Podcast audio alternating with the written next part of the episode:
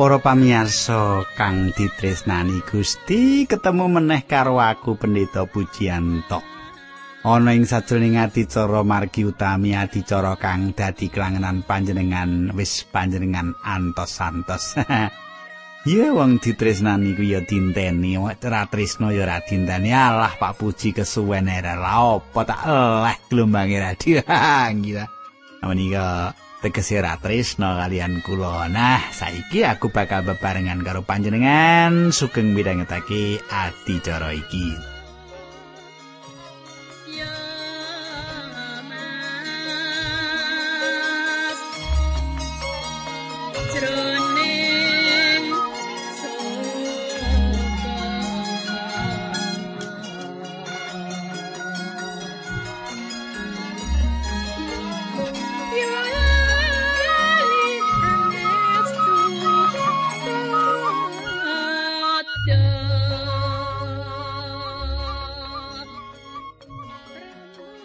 Kadangku tak suwun panjenengan ijik kelingan apa sing tak aturake marang panjenengan ana ing patemon kita kepungkur. Aku wis ngaturake babagan kita wis nguningani murid-murite Sang Kristus kang kawitan.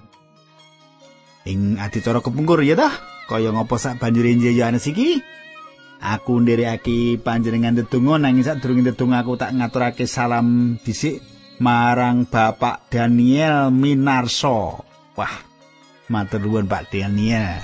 Serat-serat panjenengan. Mugi pelatusan panjenengan tansah dados berkah kangge warga pesamuan ingkang panjenengan pimpin.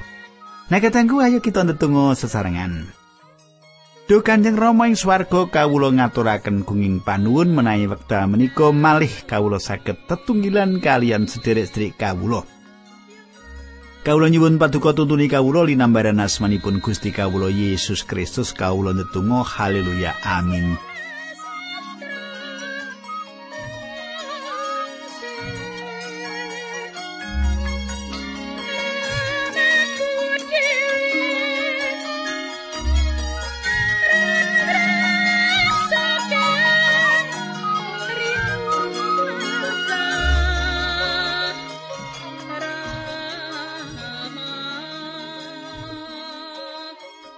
Para pamirsa kita miwiti ing adicara iki kanthi maca Yohanes 1 ayat 48 neruske apa sing wis ndaturake kepungkur. Mengkene surasane ature Natanael saking sinten guru pirsa kawontenan kula. Pangandikane Gusti Yesus sadurunge Filipus ngajak kuwi. Ya kuwi nalika kuwi isih ana ing sak ngisor wit anjir aku wis weruh kuwi. Ayat 49 aturi Natanael, "Guru, panjenengan menika putraning Allah, ratunipun bangsa Israel." Katengku kang dak tresnani. Gusti Yesus kagungan murid loro sing atine tidha nggone nderek Gusti Yesus. Sing siji ing mangsane wiwitan Gusti Yesus makarya yaiku Natanael. Sing sijine ing mangsa pungkasan peladosane Gusti Yesus yaiku Thomas. Natanael sing duweni ati mangsa borong lan tido-tido iki takon, "Apa ana bab sing becik saka Nasaret?" Natanael sing duweni ati mangsa borong lan tido-tido iki takon, "Apa ana bab sing becik saka Nasaret?" Nulis sawise iku kanthi sawetara nggone padha ngomongan, Natanael ngakoni yen Gusti Yesus iku putrane Allah, ratune wong Israel. Nalika Nathanael ngakoni yen Gusti Yesus Kristus iku putrane Allah lan rajane Israel iku nandhake yen pancen ana perkara sing banget wigati saka Nasaret. Saiki ayat 50. Gusti Yesus ngendika, "Apa nggonmu percaya kuwi mergo aku kandha?" Yen aku wis weruh kowe nalika kowe isih ana ing sangisore wit anjir kowe bakal ndeleng lelakon-lelakon sing luwih elok ketimbang iki. Kadangku Gusti Yesus ngendika marang Natanael kanthi pitakon apa jalarane Gusti Yesus wis pirsa? Nalika Natanael ing sangisore wit anjir nuli Natanael dadi percaya. Yesus paring janji marang Natanael yen ing tembene dheweke bakal bisa ndeleng perkara-perkara sing luwih gedhe. Lan sawise telung taun pancen Natanael bisa ndeleng perkara sing gedhe. Yohanes 1 ayat 51. Gusti Yesus banjur ngendika marang para murid mau ngandelo. Kue bakal padha weruh langit kabuka lan weruh para malaikate pengiran padha munggah medun suwan marang putrane manungsa. Kadangku kang dak tresnani Gusti Yesus ngendika bab Natanael. Delengo. Yo iki wong Israel sejati sing ora ana samubarang sing palsu ing atine. Banjur Gusti Yesus nglajengake kanthi nedahake sawijine lelakon ing uripe leluhure Israel, Bapa Yakub nalika isih nom-noman. Dheweke wis minggat saka ngomah jalaran ana dredah karo sedulure Esau sing arep ngalapatine ing paran nalika bengi sing kapisan Allah ngetingal marang Bapa Yakub ing Betel. Ana sawijine ondo sing mudhun saka langit lan ing ondo mau malaikate pangeran padha munggah medun iki ateges yen Allah ora nilarake Bapa Yakub. Maune Bapa Yakub mikir yen ninggalake omah kuwi uga ateges ninggalake Allah ing kono. Mesti wae dhewekne duweni panemu sing ana watese bab Allah. Ing Betel Bapa Yakub nampa piwulang adi yen Allah tansah jangkung dhewekne. Gusti Yesus ngendika bab pribadine yen panjenengan iku ondo mau. Kita bisa ndeleng yen para malaikate pangeran munggah medun ana ing sarirane putrane manungsa. Ya Sang Kristus malaikat-malaikat mau padha bekti lan ngladosi panjenengani. Gusti Yesus kagungan kuwas tumrap para malaikat mau. Dadi Gusti Yesus ngendika yen Natanael bakal bisa ndeleng langit sing mengo katon malaikate pengiran sing munggah medun ing ondo mau lantaran sarira putrane manungsa. Ondo iku Sang Kristus pribadi. Ondo iku Sang Kristus pribadi ya mung liwati panjenengane kita panjenenganan aku bisa sesambungan karo Allah. Coba saiki panjenengan tak derekake nyemak Yohanes 14 ayat 6.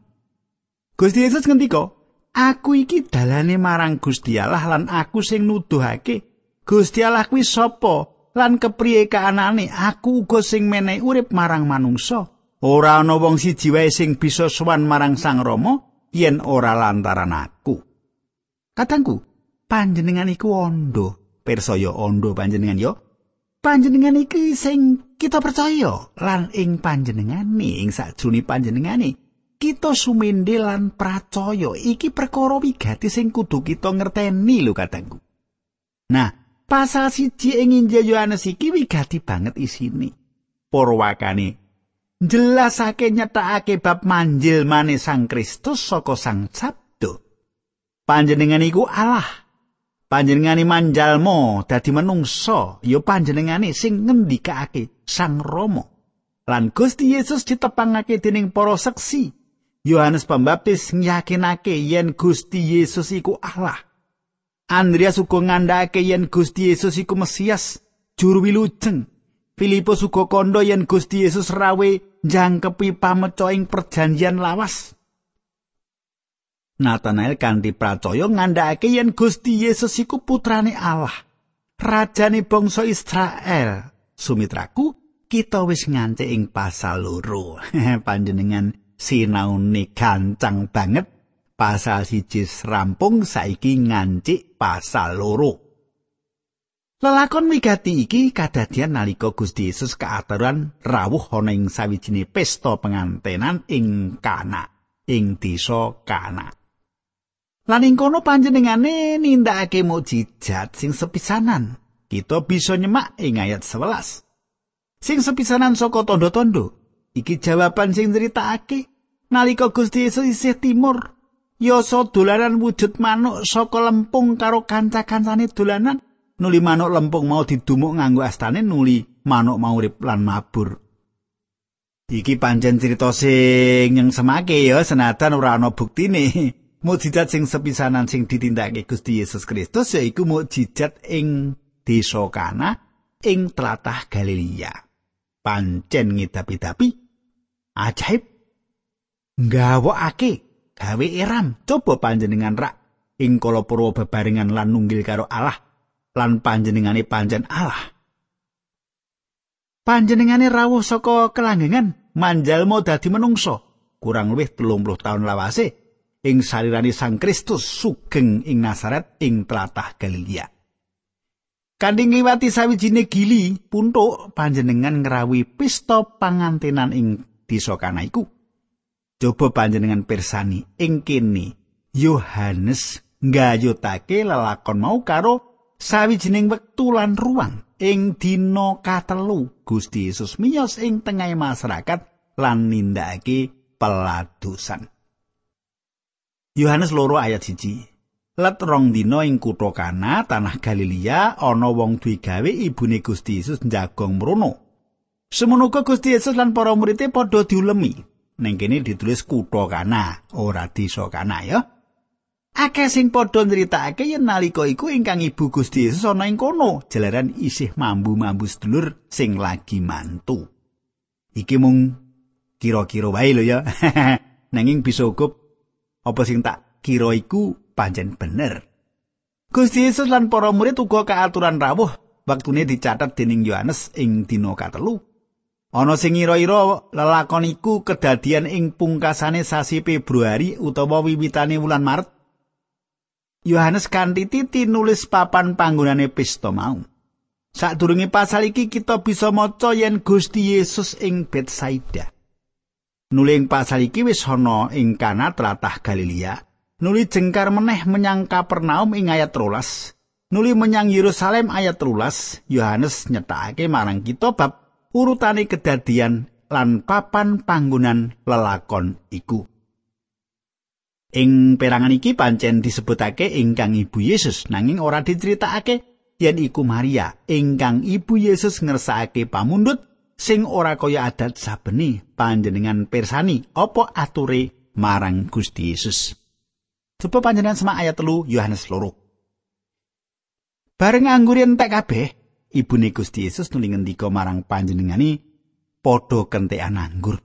Kadangku pitakonan sing ana ngenani anggur. Ing jaman iku anggur ora bisa dipisahke karo pesta. Nanging mabuk bakal kena ipat-ipat. Mendem bakal kena ipat-ipat. palakrama iku kedadian sing ana gayutane karo agama. Lan nalika iku sing padha teka ing pesta wong-wong sing duweni agama saka perjanjian lawas. Sing mesti ing pesta iku ora ana sing mabuk. Mendem, pesta pengantinan iki gambaran pesta pengantinan liya sing bakal kelakon. Gusti Yesus miwiti peladosane ing donya ing tengah pesta pengantinan.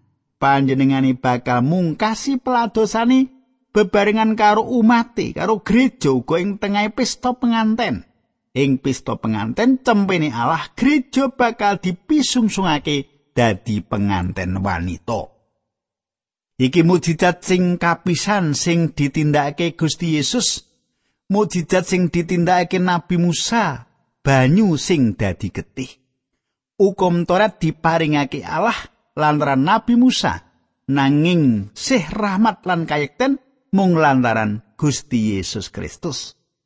Katon cengkah lelawanan banget. Banjur opo tegese pamundut ingkang Ibu Yesus iku? Sing perlu dadi kawigaten kita yaiku iki pesta ing keluarga sing mlarat. Panjen keluarga iki ora kuat nyawisake suguhan sing rupa anggur kanthi cukup. Calvin duwe panemu yen ing lelakon iki Gusti Yesus kaaturan rawuh bisa uga supaya para tamu diisi lan diwawuruk kanthi piwulangi. Gusti Yesus sing adiluhung ing buku Institutio pancen isine jero nanging bosenake. Sajake wae pikirane Calvin ora cocok kanthi panalarani. Sing cetha, Maryam agi-agi ngendika yen anggure wis entek lan enggal-enggal gek gawe mukjizat. wektu iki wektu sing pas kanggo nindakake mukjizat. Nalika malaikat Gabriel rawuh nemoni Maria lan ngandhakake yen dheweke kapilih dadi sarana miyose Sang Kristus Mongko nalika semono Maryam isih kenya, jawabane Maryam mengkini. Coba panjenengan semak Lukas 1 ayat 34. Maryam banjur matur marang malaikat mau, Kados pundi sagedipun perkawis menika kelampahan jalaran kawula menika tasih prawan. Katengku, Gabriel jelasake yen Sang Roh Suci bakal tumedhak ing sarirane Maryam, mula saka iku bayi sing bakal ana kandhutane iku suci. Maryam nuduhake imane lan setya tuhune marang dawi Allah. Yohanes 1 ayat 38. Maryam banjur matur, "Kawula menika abdinipun pangeran." Sedaya wau kalampahana tumraping kawula kados ingkang panjenengan ngendikaaken menika. Sawise mengkono malaikat mau nilar Maryam. Kadangku wiwit dina iku lan sak teruse pitakonan ngenani prawane Maryam terus ana. Yen digagas-gagas, sak benere pitakonan iku ditujokake marang Gusti Yesus sing rawuh ing bumi. Ing ayat iki Maryam ngandhakake iki kalodhangan kanggo yakinake kabeh wong yen panjenengan iku kawiyosake dening sawijining prawan lan kaya sing dingendikake dening Allah. Yohanes loro ayat papat. Gusti Yesus ngendika, "Ibu sampun dawi kula nindakaken menapa-menapa, jalaran samenika dereng dumugi wekdalipun." Ijemane utawa teges surasa jawaban iki Gusti Yesus paring tondo. paring apa kadangku? Gusti Yesus paring tondo yen wektune piye mau? Durung tekan titi wancine nalika panjenengane ana ing pamentangan lan ingkang ibu jumeneng ana ngisore salib Gusti Yesus mirsani kang ibune nuli ngendika ibu menika ingkang putra iki wektune wis tutup sawise telung dina panjenengane arep wungu saka sedo. Ing pesta iki Maria mundut supaya Gusti Yesus kersa nindakake pangeram-eram. Supaya kanthi mengkono asmane Maryam sing nalika isih kenya wis mbobot lan miyose bayi lanang sing asmane Immanuel dadi resik. Nanging bab iku durung wektune. Nanging wektu sing ditempakake iku bakal teko asmane Maryam bakal dadi resik awit Yesus sing wungu saka sedo iku nedhake sapa to panjenengane iku. Kadangku, wungune Sang Kristus saka sedo iku nandhakake yen panjenengane pancen miyos saka perawan Maryam. Pakuliran kita lelakon bab miyos Gusti Yesus iku rak yen pinuju ngriyayake nata wae iku ana gegandengane karo wungune saka sedo. Saiki Yohanes loro ayat 5, ibune Gusti Yesus mau nuli ngendika marang para pelatin. Apa sing didhawuhake Yesus marang kowe padha lakonana. Kadangku iki piwulang sing utama kanggo kita. Apa sing didhawuhake Yesus marang kowe padha lakonana. Saiki ayat 6 lan 7. Ing kono ana genthong wadah banyu enem sing disediaake kanggo sesuci. Manut pernatane agama Yahudi, saben genthong mau bisa amot 80 tekan 100 liter. Gusti Yesus ndawi marang para peladen genthong-genthong kuwi padha isine ana banyu. Para peladen nuli ngiseni genthong-genthong mau nganti kebak. Kadangku kawigaten kita tumuju marang 6 genthong. Gentong-gentong iki biasane mung kanggo wadah banyu upacara wijik sikil. Tamu-tamu sing teko mau wijik sikile dhisik bisa go wis elek. Letek nuli para plados nderek sak dawe Gusti Yesus ngebaki gentong nem iku diisi banyu nganti kebak. Ayat 8 nganti 10. Mungkin serasane. Sawise kuwi Gusti Yesus ngendika saiki nyiduo banyu kuwi setitik lan aturno marang pemimpining pesta. Peladen mau banjur nindakake apa sak dawuhi. Pemimpining pesta banjur ngicipi banyu mau sing saiki wis malih dadi anggur. Pemimpin pesta ora ngerti saka ndi asale anggur mau awit mung para peladen sing padha ngisekake banyu ana ing gentong-gentong kuwi wae sing padha ngerti. Pemimpining pesta nuli ngaturi pirsa marang penganten lanang. banjur matur limrahipun ingkang dipun ladosaken rumiyin menika anggur ingkang eco lan menawi para tamu sampun ngunjuk radi kathah lajeng sawek anggur ingkang limrah. Nanging menapa sebabipun anggur ingkang saya kok panjenengan simpen lan sawek ladosaken samenika katengku mesti wae kita ora bakal dibat perkara anggur iku ana alkohole apa ora ya? Sing cetha crita iki dudu crita karangan nanging sawijining kabukten bukti lho ning endi penganten wadone kok ora diceritakake. Mongko iku sing penting ing upacara pengantenan nalika ana pemberkatan penganten. Senajan pendetane wis teka ing kono ora narik kawigaten kita. Nalika penganten lanang teka uga mengkono, isih durung patiya narik kawigaten nanging bareng penganten wadon teka. Nah iki lagi bisa narik atine wong akeh. Kenapa iki ora diceritakake? Kenapa perkara iki ora diceritakake? Jalaran sing paling penting ing kedadian iki Gusti Yesus lan gentong nemiji kuwi. Iki kedadian sing indah. Gusti Yesus mundhut gentong sing padha kotong iku. Nuli gentong-gentong mau kadawan diiseni banyu nganti kebak. Kadangku nalika gendong mau kebak banyu, banjur ana mukjizat. Banyu nuli diciduk, didomake para tamu. Banyu iki wis dadi anggur. Iki ana piwulang bab kasukman sing adiluhung. Gusti Yesus ngagem kita kaya dene gentong-gentong mau. Gentong sing wis elek. Gentong sing reget kotor. Nanging Gusti kita Yesus Kristus kepareng ngagem kita. Panjenengane ngebaki banyu ing urip kita.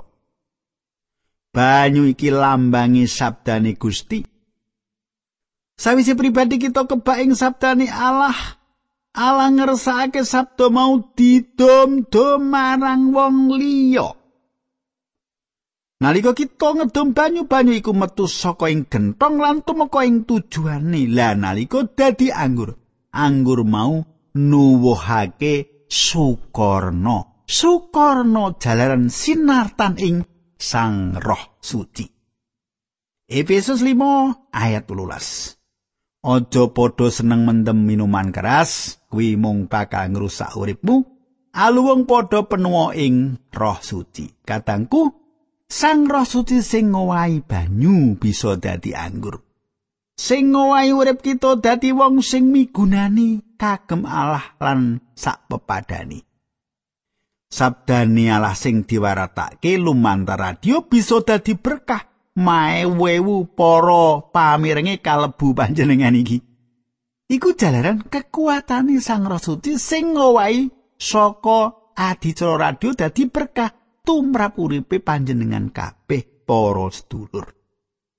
Para wong dosa sing kaya ngopo gedene yen bertobat lan sowan ngarsane Gusti Yesus kanthi panalongso getun panjenengani bakal paring resik ing urip kita lan ngagem kita dadi piranti kaluhurani Allah.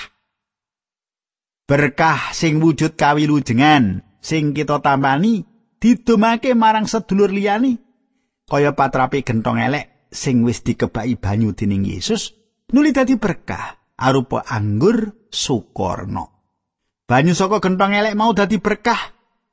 Nalika kita sokake marang liyan, Gusti Yesus ora ngersakake banyu mau tetep ing jero gentong. lan tetep banyu wae ora dadi berkah. Yohanes 2:11. Iki mujizat sing kawitan sing ditindakake Gusti Yesus kelakone ana ing kutha Kana tanah Galilea. Srana mujizat mau Gusti Yesus ngetingalake kamulyane, mulane para murid nuli padha percaya marang panjenengane. Katengku tak cukupi semene dhisik wektune wis ora nyandak nek tak teruske, ayo kita ndedonga. Matur nuwun Gusti Yesus kawula sampun midhangetaken sabda paduka. Kawula nyuwun supados menapa ingkang abdi paduka andharaken menika paduka jebati kanthi makaten saged terus berkah sanak kateng kawula. Dinambaran asmanipun Gusti Yesus Kristus kawula tunggu haleluya amin.